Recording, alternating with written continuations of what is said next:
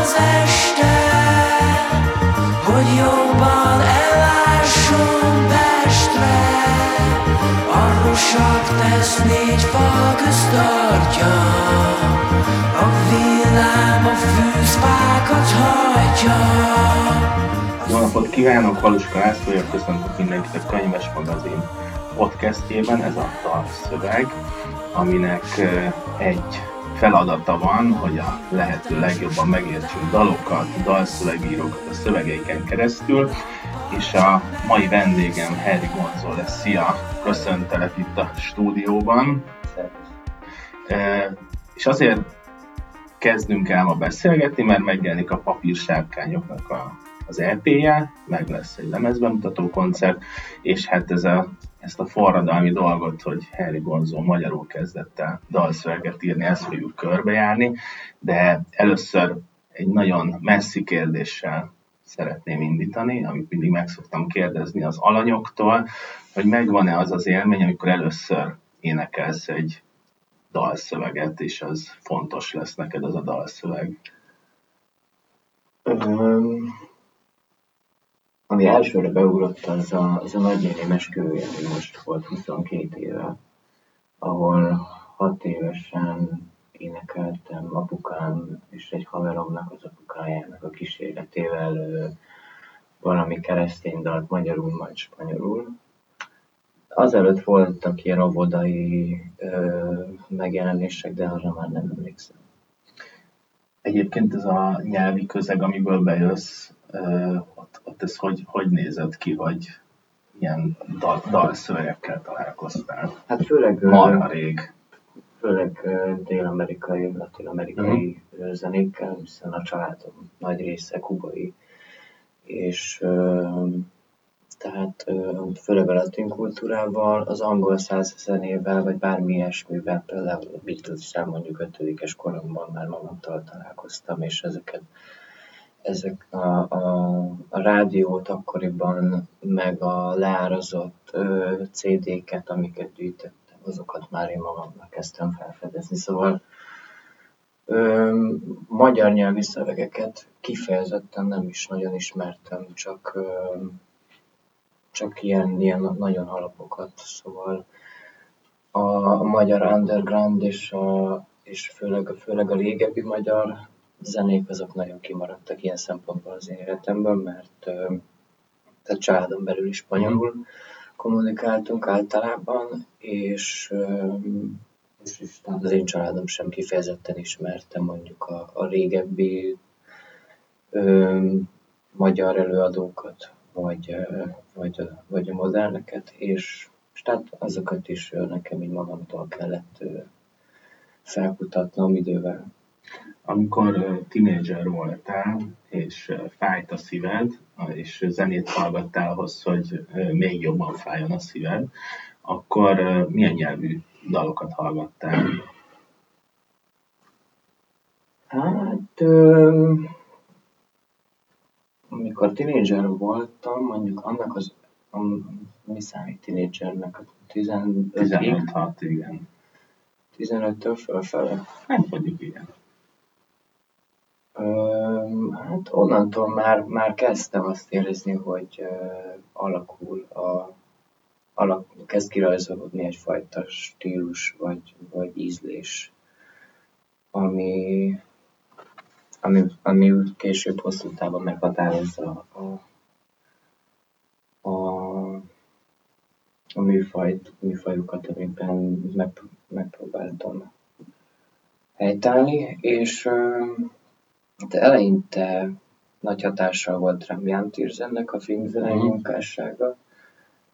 Kifejezetten a, a Goodbye Lenin, vagy az Amelie és, és hasonlók, és a hozzá hasonló hangszerelésű zenék. A Beirut is ilyen volt például, ami, ami, ami egy, egy amerikai zenekar volt, egy, egy fiatal srác, aki Párizsba költözött, és ott alapított szinte zenészekből zenekart, és ők is ilyen rengetegen voltak, és nagyon sokféle hangszere játszottak, és, és nagyon spontánnak tűnt minden. Az ő zenék is akkoriban nagy hatással volt rám, most hirtelen ezek jutnak eszembe, amik, amik már olyan más stílus formálóak, vagy mm. igen, amik már úgy formáltak, és nem csak így hogy, szembe jöttek. A, amikor te elkezdesz otthon zenélni, és ráfordulsz a dalszerzésre, akkor zenéből vagy szövegből indulsz ki? Mi az első lépés? Az elmúlt tíz évben a From Palermo-val főleg angolul énekeltünk, tehát 95%-ban. Néha játszottunk spanyolul is, vagy más nyelveken, de magyarul nem igazán. És, és, és ott nekem sokkal, sokkal inkább a zene centrikusság volt, tehát a zene volt előtérben, és nagyon sok zene, amit én hallgattam, azok is azok is úgy inspiráltak, hogy jobban szerettem néha, hogyha nem értem a szöveget Mhm. feltétlenül, és, és van egy, van egy érdekes hatása ennek számomra, hogy, hogy elképzelhetem, hogy mi a történet, és lehet, hogy pár szót értek belőle mondjuk. Vagy csak félre hallok valamit, és ebből én magamnak összerakok valamit dolgot, majd később kiderül, hogy tök másról van szó mondjuk így voltam a franciával eleinte, de most már, most már abban jobban belástam magam. Ö, meg, de a mai napig nagyon szeretek olyan, olyan nyelveken hallgatni dolgokat, amikről fogalmam Mhm. sincs. Mondjuk mostanában bolgár asszonykórust hallgattam, és, és mondjuk az picit kiszámítható, hogy mivel népzenei, hogy Mhm. nagyjából ha a címet lefordítom, akkor már sejtem, hogy mi lehet a téma, de de amikor ezt a papírsárkánya projektet elkezdtem, akkor fordult ez, ez meg először így ö, szándékosan. Nyilván volt a Fran Palermo-val is olyan, hogy a hamarabb volt több szövegem, mint, mint a hangszerelés, meg maga. De olyan 90%-ban inkább, inkább zenéből, vagy egy a hangnemből, vagy akkordból indultam ki. A Fran- Fran Palermo-ról te is említetted, hogy 95%-ban angol nyelvű dalokat szerzett, vagy szerez. Miért kellett a papírsárkányokhoz kiszervezni a magyar nyelvű szöveget, vagy ez nem ezzel függ össze, hogy a Fran Palermo-ban nem fér bele a magyar szöveg, hanem, hanem ez egy teljesen más projekt, tehát hogy mi, mi a viszonya a Fran Palermo-nak a magyar szövegkel ebből a szempontból, és miért kellett a papírsárkányok akkor? Hát ezt több oldalról is meg lehetne közelíteni, de megpróbálom ebből. Tehát Frank Palermo-nak a, a, a hangszerelés és hangzás világa sokkal közelebb áll a, a nyugati ö, mediterrán rock and roll és, és, és világzene stílusához. Amihez, hogyha egy magyar nyelvű szöveget csatolunk, vagy mondjuk lefordítjuk azt, amit most angolul énekelünk, akkor lehet egy kicsit olyan lesz, mint a, mint a Cikora Robinak a zenekara, vagy ilyenek, vagy ilyen, vagy kicsit ilyen ö, hát mondjuk, ha tükörfordítanánk a szövegeiket magyarra, akkor több lenne. Tehát Mm. itt egy csomó, csomó életérzés, meg, meg kifejezés nem igazán működik magyarul, ami, ami pedig az angol száz zenekultúrában meg, meg egyszerűen így működött, vagy így, így kellett, vagy így fogalmaztak mindig. És ö, és egyébként is ö, én azokat a magyar dalszövegeket szerettem igazán, és szerettem mindig, amik, amikettől az egyszerűségtől, amit az angol nyelv megenged, ezt a luxust, hogy nem kell feltétlenül nagyon komolyan tudni írni.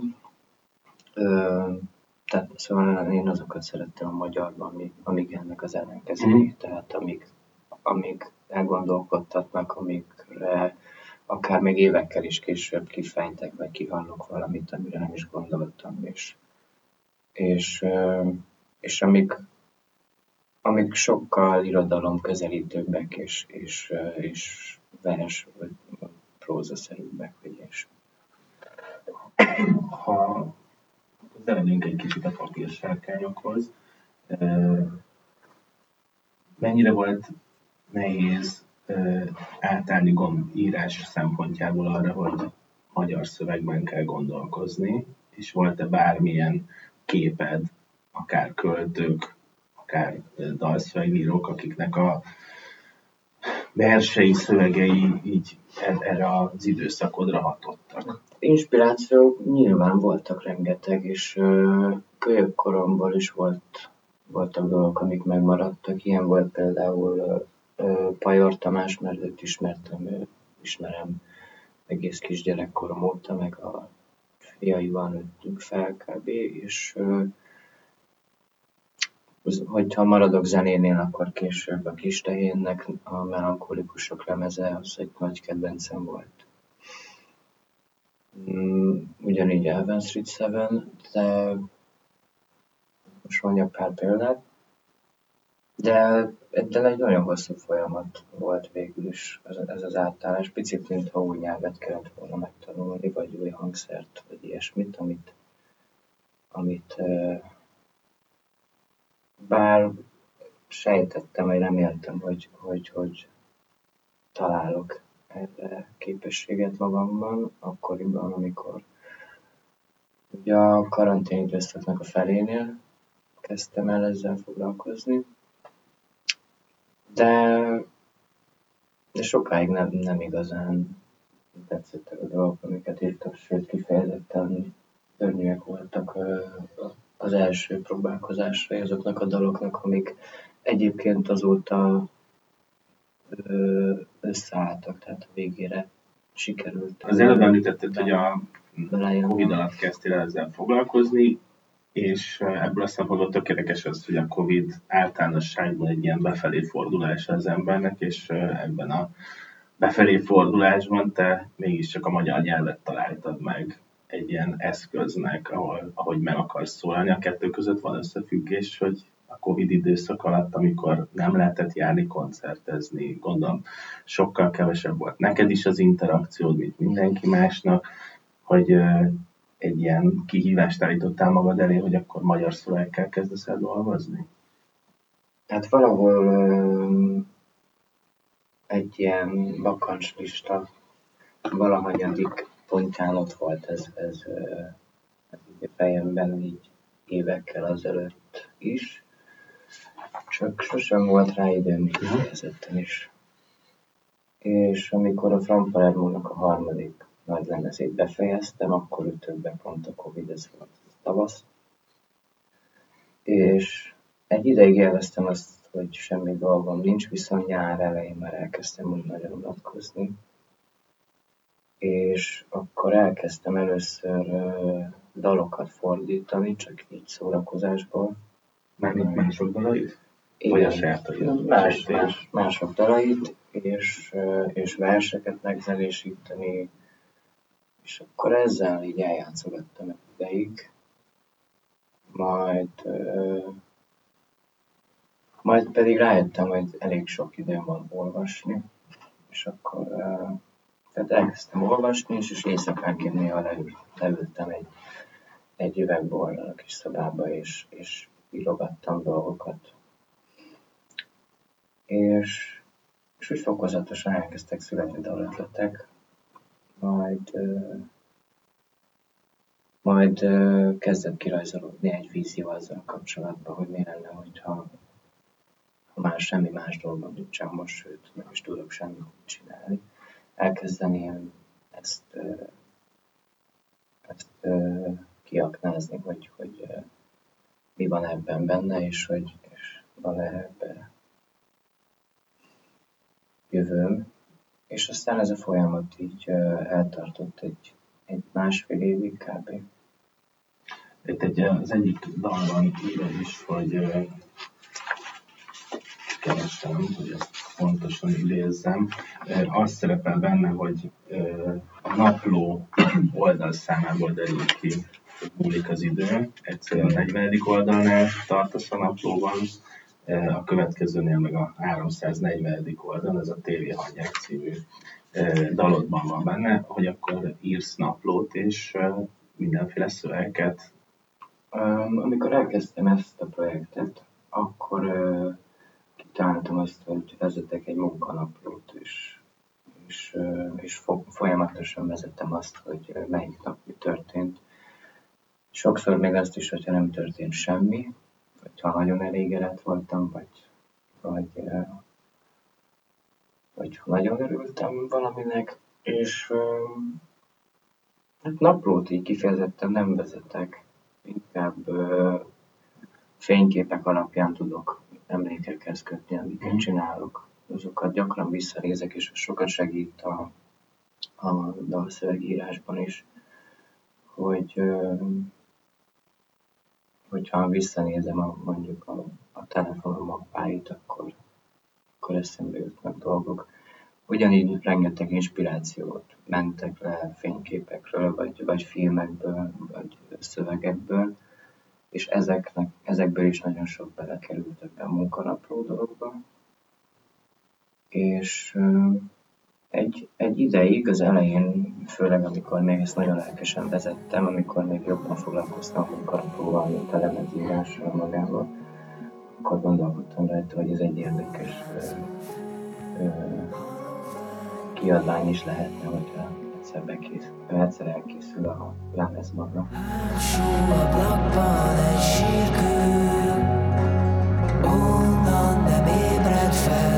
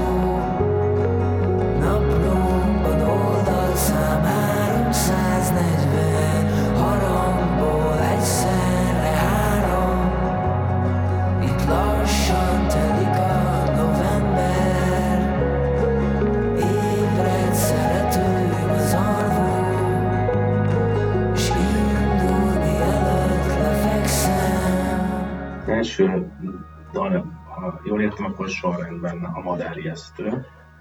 Az első dal, ami kijött tőlünk, az a TV hang. Igen, azt tudom, csak hogy a, az az EP-n, igen. És ez azért fontos, mert hogy uh, itt rögtön egy nagyon közérzeti, közéleti témával vágsz bele a, a papírsárkányok első lemezébe, mert uh, ugye itt egyfelől csak hogy idézzek, és vahúra húgatják a holdat, hogy ne politizálj, ne filozofálj, utazzál, utazzál inkább külföldre, inkább külföldre, ha nem tetszik, el lehet menni, el lehet menni és uh, utána még szerepel egy olyan sor, hogy csak saját lakásomból vagyok kizárva. Eh, Ezt nem lehet nem úgy érteni, hogy neked eh, nehézséget okoz most Magyarországon alkotóként jelen lenni, vagy hát emberként jelen lenni, hogy ez a madárjesztőben elég erősen megjelenik, hogy egyfajta kritikus éllel életed a jelenlegi életünket. Nem érzed jól magad? Hogy érzed magad? Hát abban az időszakban, amikor ezt írtam, mondjuk talán tavaly, nem tavaly november, lehet már az előtt, de, de még valamelyik ilyen sötétebb télen kifejezetten rosszul éreztem magam, hogy hát nagyon sok egzisztenciális szorongással találkoztam a körülmények miatt az elmúlt két, legalább két évben, hanem több kicsit, és, és ugye a hétköznapok, amiket gyakran hírolvasással töltöttem, amiről szerencsére nagyjából leszoktam, valamint, valamint nagyon sok séma és emlék az életemben az, ami visszaköszön ebben a dalban, ami, ami úgy késő éjszakára gyakran nagyon sok ö, indulatot váltott ki belőlem, és és hát igen, ez a, ez a dal nagyjából ezt öleli körbe. Ugye egy eh, madárjesztőről van szó ebben a dalban. Eh, De ugye általánosságban elmondható az a, a papírsárkányok dalszövegeiről, hogy nagyon sűrű képek vannak benne. Nagyon fontos az, hogy milyen színek jelennek meg, milyen hangulatok, milyen a következő dalban a tengerarcában, milyen állatok jelennek meg, hogy ebben is volt egyfajta koncepciót, hogy, hogy mennyire kell ezeknek a szövegeknek összeállnia? Nem, nem sajnos, nem. Örültem volna, hogyha van. Hm? De nem, és ez, ez sokáig problém, problémásnak éreztem, hogy, hogy magyarul tényleg ne- nehezen találtam azt a hangot meg, ami, amiről azt gondoltam, hogy, hogy helytálló lehet. Tehát eleinte nagyon sok, nagyon sok frusztráció volt így a magyar szövegírással emiatt.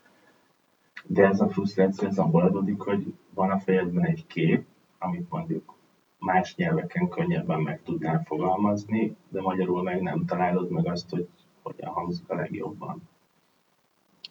Hát a- azt hiszem, hogy a gyakorlat lehetett ö, egy probléma, mert, mert most az elmúlt egy évben már, hogy szinte heti, vagy ilyen pár naponta, hogy heti szinten írtam valamit, így már így sokkal jobban ment. Tehát az, hogy előtte soha nem írogattam magyarul, de naplót sem nagyon maximum maximum levelet néha, hogyha nagyon szerelmes voltam, vagy ilyesmi, de, de, de, ilyen, de hogy dalszöveg formában nem nagyon dolgoztam. Szóval szavak voltak eleinte, amiket gyűjtöttem, és inspirációk, és, és, és, és néha még azt is, ö, azt is próbáltam figyelni, hogy hogy mások miről írtak dalt vagy verset, ami nekem tetszik, amiről, Mhm. amivel kapcsolatban ö, én is ö, meg tudok nyilvánulni, és, Mondasz és példát? szívesen hangszerelek. Hát ö, általános, általánosságban ráillik a legtöbb dalra, az a melankólia például. Mhm. Öm, ennek a projektnek főleg az első felén annyira melankolikusnak éreztem az összes dalszöveget, hogy azt éreztem, hogy ez már túlzás lesz, és, és lehet, hogy ö, mire befejezem, már nem lesz aktuális, mert lehet, hogy a világ túllép ezen, ezen is én is. Mármint azon a azon az időszakon, amikor ez a, ez a kollektív melankólia beütött. Egyébként a me- melankóliát azt megpróbálnád megfogalmazni a saját nézőpontodból. Nekem két ilyen erős élményem van a melankóliával kapcsolatban. Az egyik az a, a Lars von Triernek volt a Melankólia című filmje. A másik pedig a Murakami Haruki japán írónak a regényvilága, vagy prózavilága, aki, aki mindig, ö, mindig megtalálja azt a melankolikus hangütést, amiben ott van a nagyváros, néha esik az eső, jön egy-két fekete macska, valaki mindig szerelmes, de az valamilyen formában nem jöhet össze, és a közben nagy, sodró lendülettel zajlik az élet, mindig a, ezek a történetek így nagyon lelassulnak, és vagy én a melankóliát is ezekből a nézőpontokból közelítem meg, hogy van benne valami szép és érdekes, amit a melankóliában meg lehet találni, de, de mindig ott van körülötte ez a szomorúság is. Neked mi a melankólia?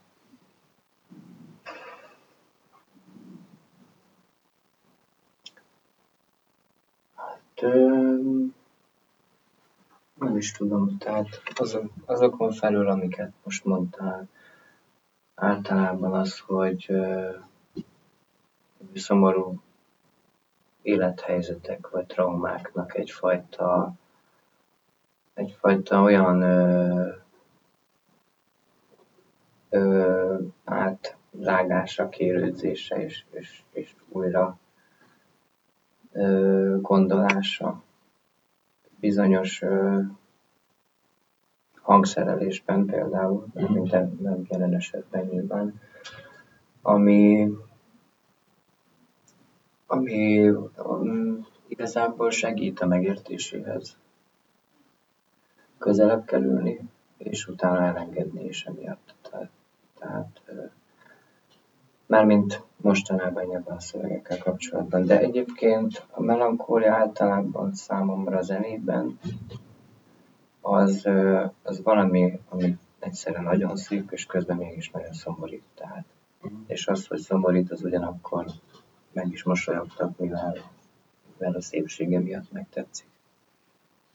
Egyébként a tenger arcában valahogy ez visszaköszön, hogy van egy ilyen feloldó nagy tengerélmény ebben a dalban, amiben kiírtam, hogy milyen állatok jelennek meg.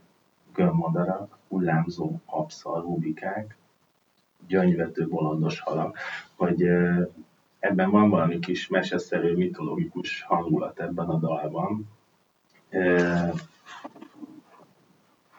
Ennél éreztem azt, hogy nagyon sokféle ilyen, tehát hogyha impressionizmus, szürrealizmus, bármi bejöhet itt a képben, mert olyan erős hatások vannak, hogy ez a tengerélményed, meg ez a melankólia, ez itt nekem eléggé jól találkozott, hogy van egy ilyen feloldódás és szabadság élmény abban, hogy valami sokkal nagyobban és folyékonyabban van az ember.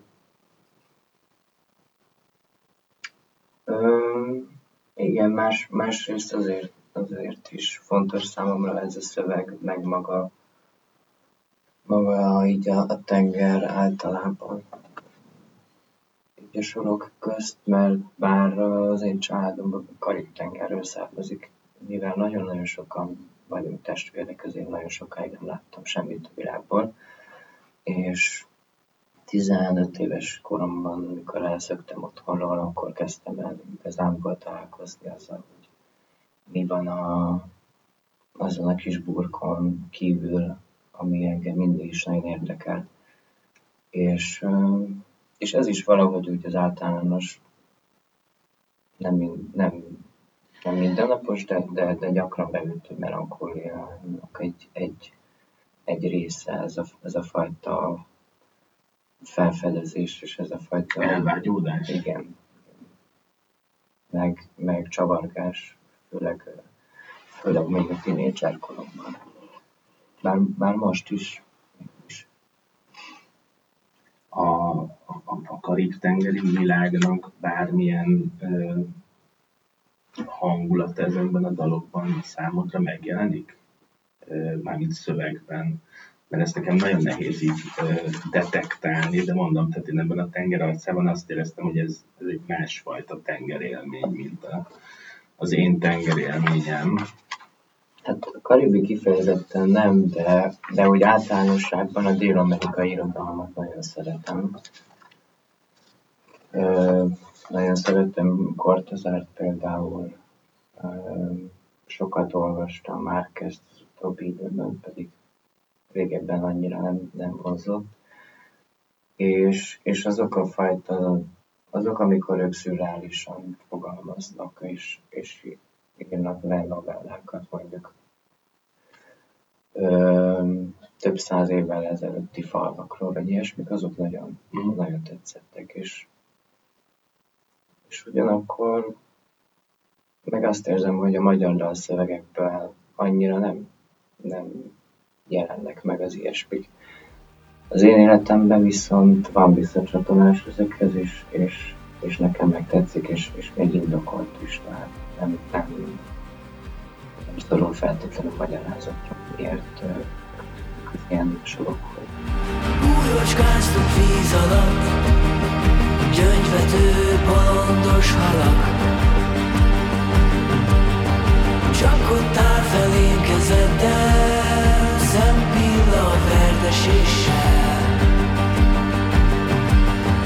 Szerelem volt neked a tenger Fölzaklató világ.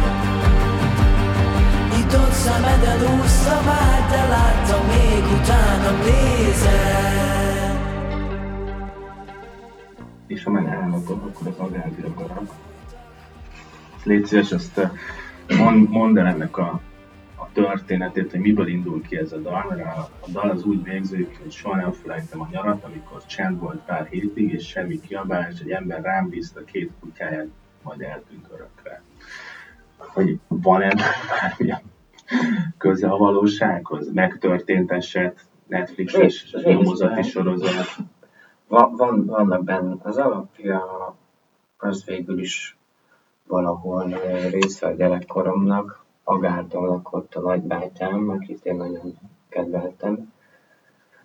Ö, tehát ö, amíg nem ismertem apukámat, az kb. 5 éves koromig, addig őt, őt nagyon sokat láttam, nagyon gyakran. És ö, ő ültetett az ölébe, autót vezetni, stb. Tehát vele volt egy tök jó kapcsolatom egy ideig. És, ö, és bár agaraink nem voltak, ez csak egy ilyen szó össze, össze csúszás volt így a jegyzeteim között, ami megtetszett, és, és a Bergman filmek hatására elindultam valamilyen, valamilyen világba, így random sorokkal.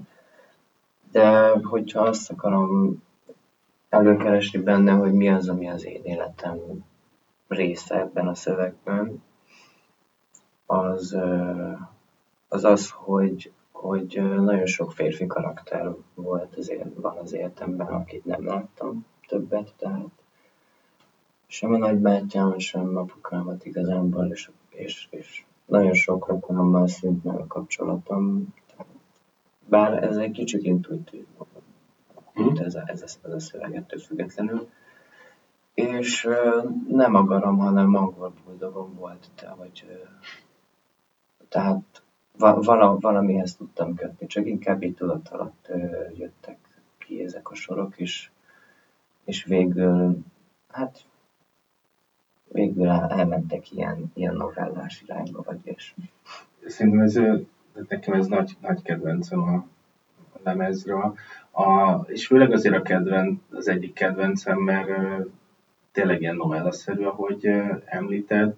A másik meg, hogy ezzel az egy nagyon egyszerű gesztussal, hogy két kutyára kell vigyázni ebbe a dalba, egy ilyen iszonyú nagy felelősségérzet költözött be számomra. Tehát, hogy nem csak egy élethelyzet az, amiben kerül a, a, az el, a, a szereplője ennek a történetnek, hanem, hanem rá van bízva.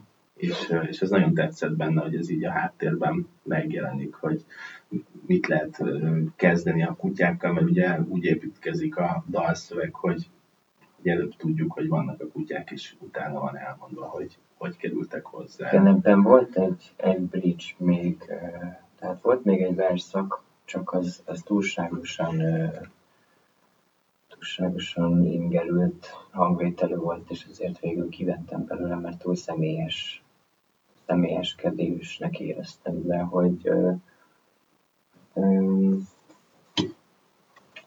pontosan már nem, nem tudnám elmondani, hogy mi volt a szövege. Viszont mivel a családunkban én, én vagyok legidősebb báty, ezért nekem nagyon sok felelősségem volt gyerekkoromban, és még, még most is van a kisebb testvéreimmel kapcsolatban, akik ö, édestesóim négyen vannak, apukámnak amúgy 13 gyereke van, csak többi, többi nem, nem látjuk gyakran, és de ettől függetlenül teljesen, teljesen random módon jöttek ki ezek a sorok belőlem. Ugyanakkor gyakran egy szövegnek a végén jövök rá azt, hogy, miről, miről beszélek. És általában egyelőre ez, ez a magyar szövegekkel mindig így volt, hogy, hogy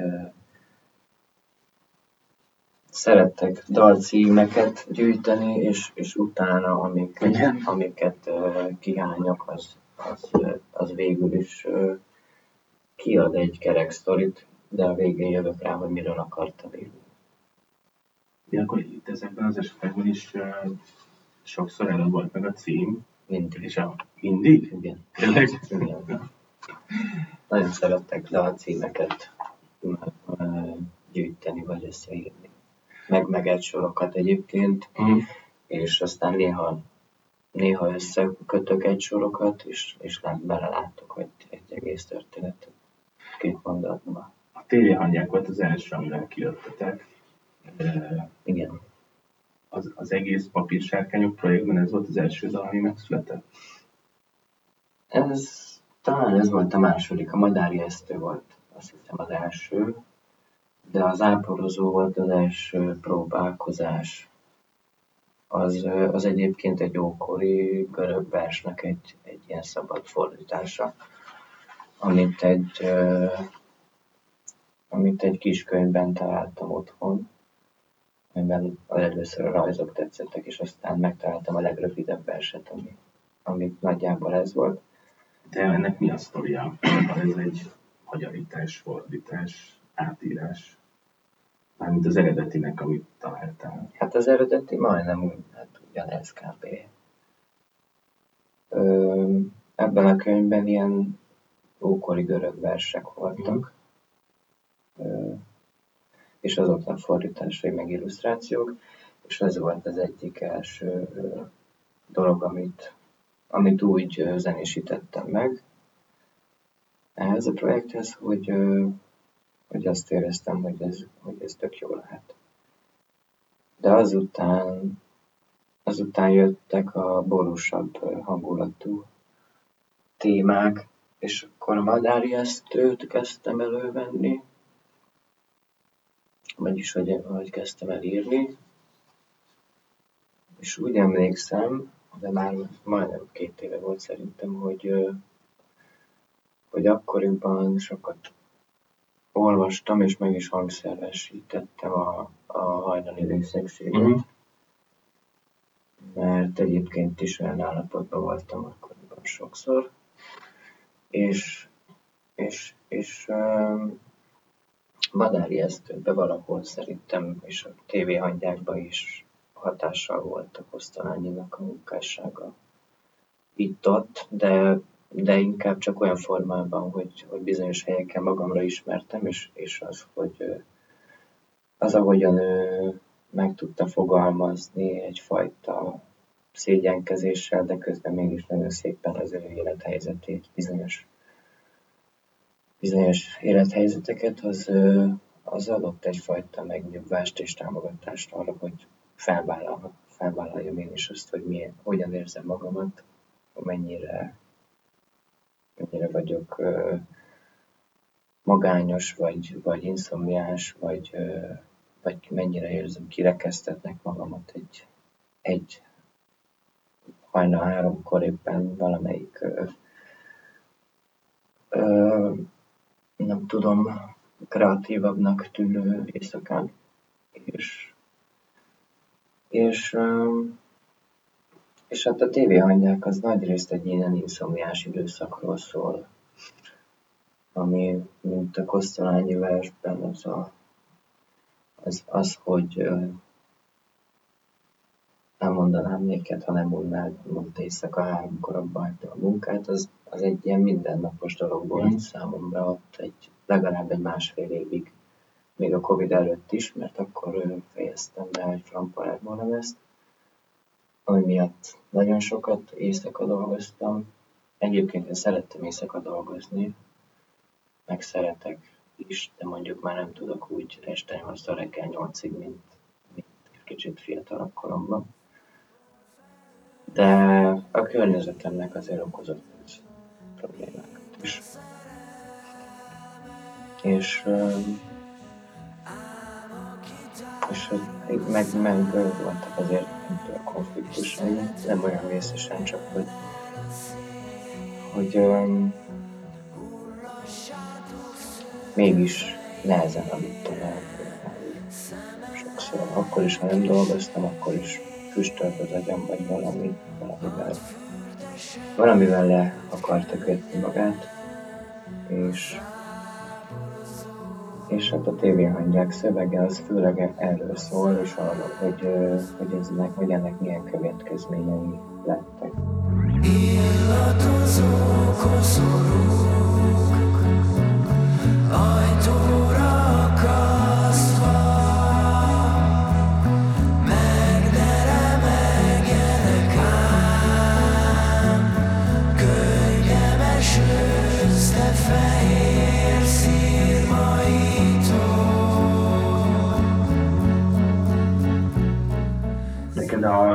alkotás, ez egy, gondolom nem egy olyan dolog, amikor azt mondod, hogy délután 5 hétig így dalszöveget írsz, vagy zenét szerzel, hanem ez egy folyamatos készenléti állapot, amiben folyamatosan stimulálod az agyadat, mert ha jól értem, a, ezekben az inszomniás állapotokban is az történik meg, hogy ott is valahogy megjelenik az alkotás, és, a, és hogy az ilyen problémákat az alkotáson keresztül próbálod meg feldolgozni, vagy így megosztani. Változó, igazából azt hiszem két oldala van, az egyik, ami a, ami a kreatív insomnia, a másik pedig inkább egyfajta szorongás, és, és csak, csak így füstöl az agy, és, és ventilálás, és aztán végkimerülés, belalvás. De ez szerencsére mostanában már nincsen. Tehát ez, ez volt egy nagyon hosszú időszak, és és, és hát az utóbbi, ez mondanám, hogy gyakran tárgytalan is, is tudott így működni, szinte megszokásból. De, de ugyanakkor máskor pedig egy, egy nagyon-nagyon kreatív, nagyon erős hullámot ér- éreztem, ami miatt meg nem akartam egyáltalán aludni, addig, amíg nem sikerült valamit elkezdeni, vagy folytatni, vagy befejezni.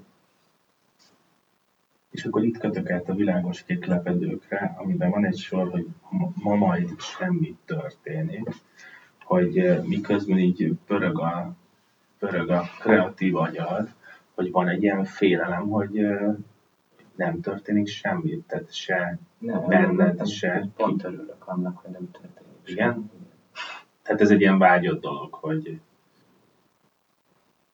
Hát ö, igen, hát a világos kéklepedők dal, az talán lehetne a folytatás is a tévé hangyáknak, tehát ez egy a, abban a dalban már magamra maradok, így az életemben is így történt egyébként, és, és hát és ez egyfajta önsajnáltatásnak egy, egy megfogalmazása igazából, amit, amit mivel nem szeretek nagyon így, így gyakorlatban, ezért megpróbáltam így ki, kiírni magamból.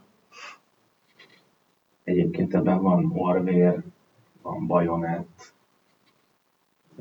van a legmeglepőbb szó, a keserédes amorett, az, az, az az egyik rímedben. Élesedő bajonettre rímel az, hogy keserédes amorett. Ha azt mondjuk, hát azt mondom ugye hallgatóként, hogy ez a papírsárkányok projekted talán pont a magyar nyelvhez való közeledés miatt egy sokkal személyesebb Henryt hozott ki, akkor azzal egyet tudsz érteni? Ö, igen, persze. Tehát magyarul, hogy kellett ehhez a magyar nyelv, hogy, hogy ennyire személyes tudjál lenni? Azt gondolom, hogy a, hogy hát nyilván az anyanyelvem azért egyrészt, másrészt pedig ö, sokkal több melankóliát hallottam már magyarul, vagy tehát ezekhez hasonló verseket, vagy, vagy szövegeket, vagy, vagy bármit, mint akár spanyolul, vagy angolul. Tehát Öm, és, és abban az időszakban, mikor úgy döntöttem, hogy belekezdek egy magyar nyelvi projektbe, akkor eleinte azt szerettem volna, hogyha csak melankolikus dalokat csinálok, de mikor már megvolt a negyedik, ötödik szép melankolikus dalom, olyan jó kedvem lett, hogy jöttek a dinamikus ö, ö, számok, és nem bírtam ki, hogy, hogy, ö, hogy ez egy ez egy csendes, akár, akár alváshoz is használható lemez legyen. De igazából egy ilyen önterápiás célral szerettem volna olyan, olyan zenével próbálkozni, ami, ami nagyon szorongás csökkentő és nyugtató számomra, vagy akár más embereknek is, akik, akik akiknek szüksége lehet erre. És én az elmúlt, az előző két évet nagyon-nagyon erős szorongásokban éltem át sajnos. Annyira, hogy már nagyon-nagyon meg voltam lepődve bizonyos helyzeteken, és, és fordultam segítségért is, bár jártam pszichológushoz korábban is, csak, csak most csak akkoriban olyan, olyan egzisztenciális kihívásokkal találkoztam, és, és olyan fizikai hatásai voltak, amiket, amiket addig nem, nem éreztem. Talán kisgyerekkoromban utoljára igen, sőt valószínűleg csak, csak arra már így nem emlékszem. És, és emiatt, emiatt azt gondoltam, hogy, hogy, hogy jó ötlet lehet az, hogyha, hogyha most nem rock and roll nem ezt akarok írni, amivel utána bulizni és turnézni kell, hanem, hanem, hanem megpróbálom egy ilyen zen állapotba rakni a, a, mind a kreativitás és mind a, mind a hétköznapi dolgait az életemnek. És de köz, közben az történt, hogy uh, ahogy folyam fokozatosan kezdett kirajzolódni ez a vízióm a magyar nyelvű lemezzel, a zenekarral, a társasággal, ami, ami, ami ma már körülvesz, és elkezdtem nagyon sokat sportolni, folyamatosan szabadultak fel, meg, meg szabadultam meg ezektől a, ezektől a problémáktól. Viszont az összes jegyzetem megmaradt erről. Tehát hirtelen már át tudtam venni saját magam képzelt halálos ágyáról a, az emlékirataimat, és, és így könnyebben tudtam folytatni a felétől. És nem régóta vagyok a felénél kb.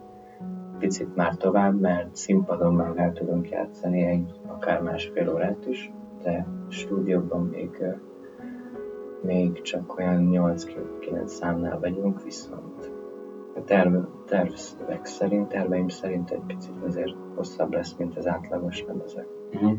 Szellőzik a házba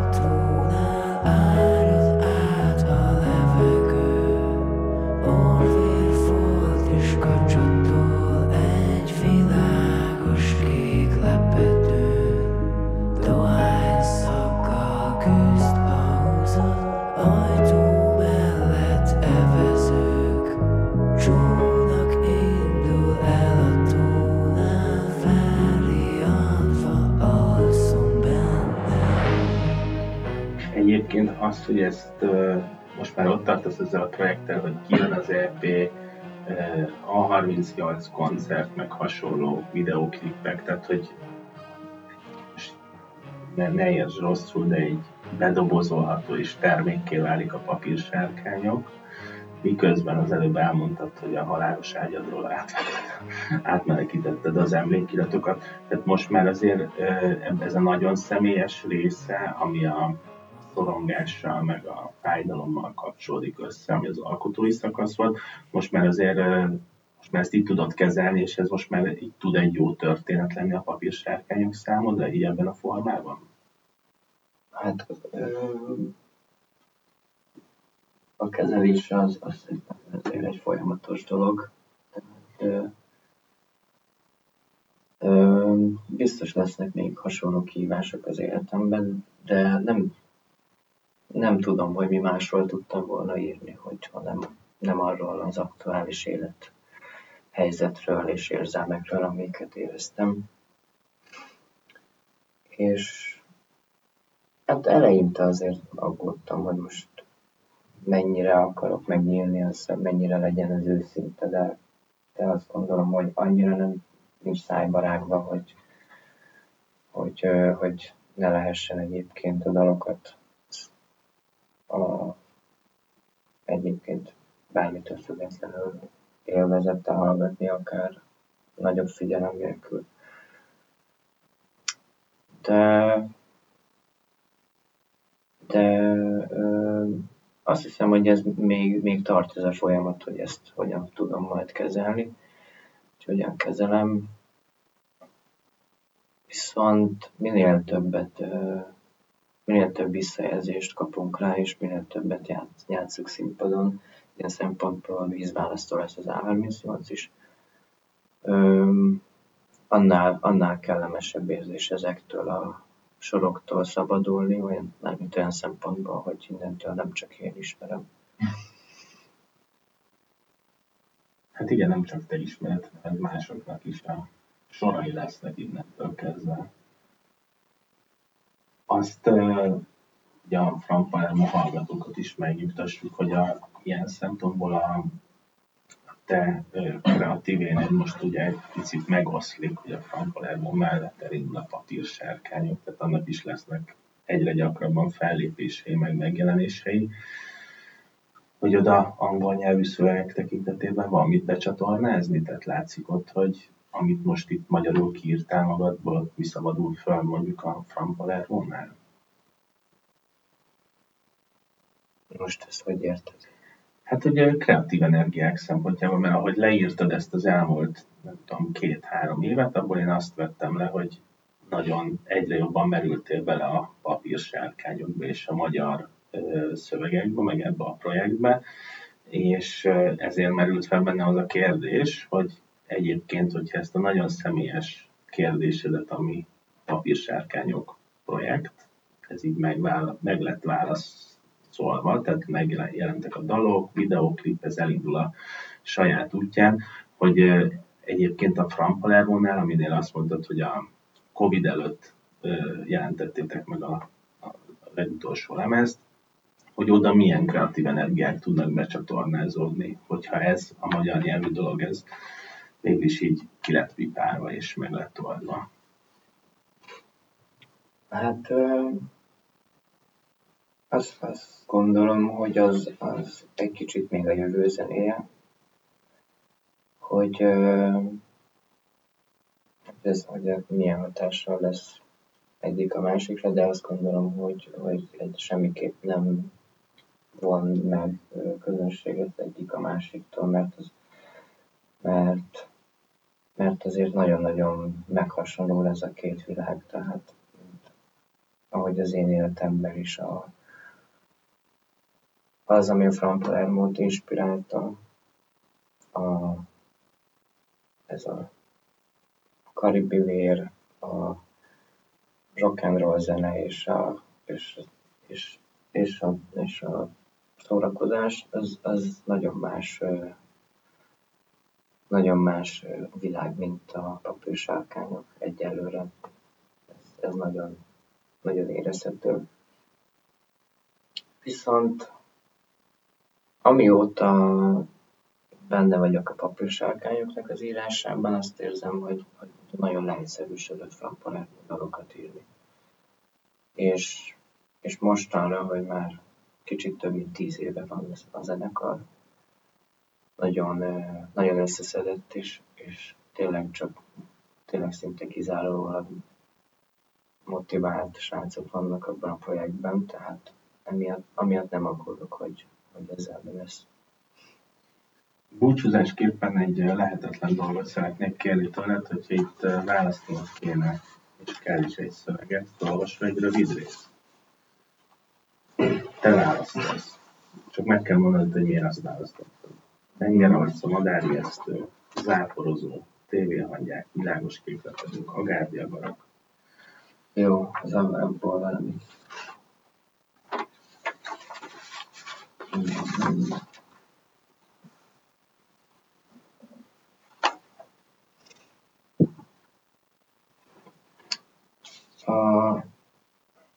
A bridge részt választottam az ja. Agárdia darabból, ami így szól, hogy leporolt leporellók alatt, vakutol piros szemek képen, Slendrián dinnye foltos inkben, retrogált halad most minden, itt bent a fejemben. És hát azért ezt a részt olvastam fel, mert mert szerettem az ilyen vicces szavakat gyűjteni. Másrészt kíváncsi lennék, hogy ez egyáltalán érthető-e, hogy, hogy itt, vagy hogy én értem el, hogy itt mit próbáltam mondani.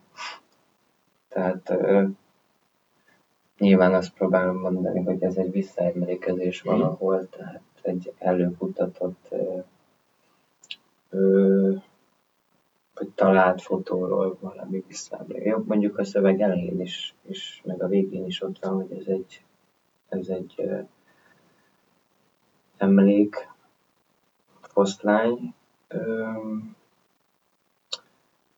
viszont en, ennél a kiállásnál a dalban szeretem azt a, azt a káoszt, ami körülötte van ennek a, ennek a friss verszaknak.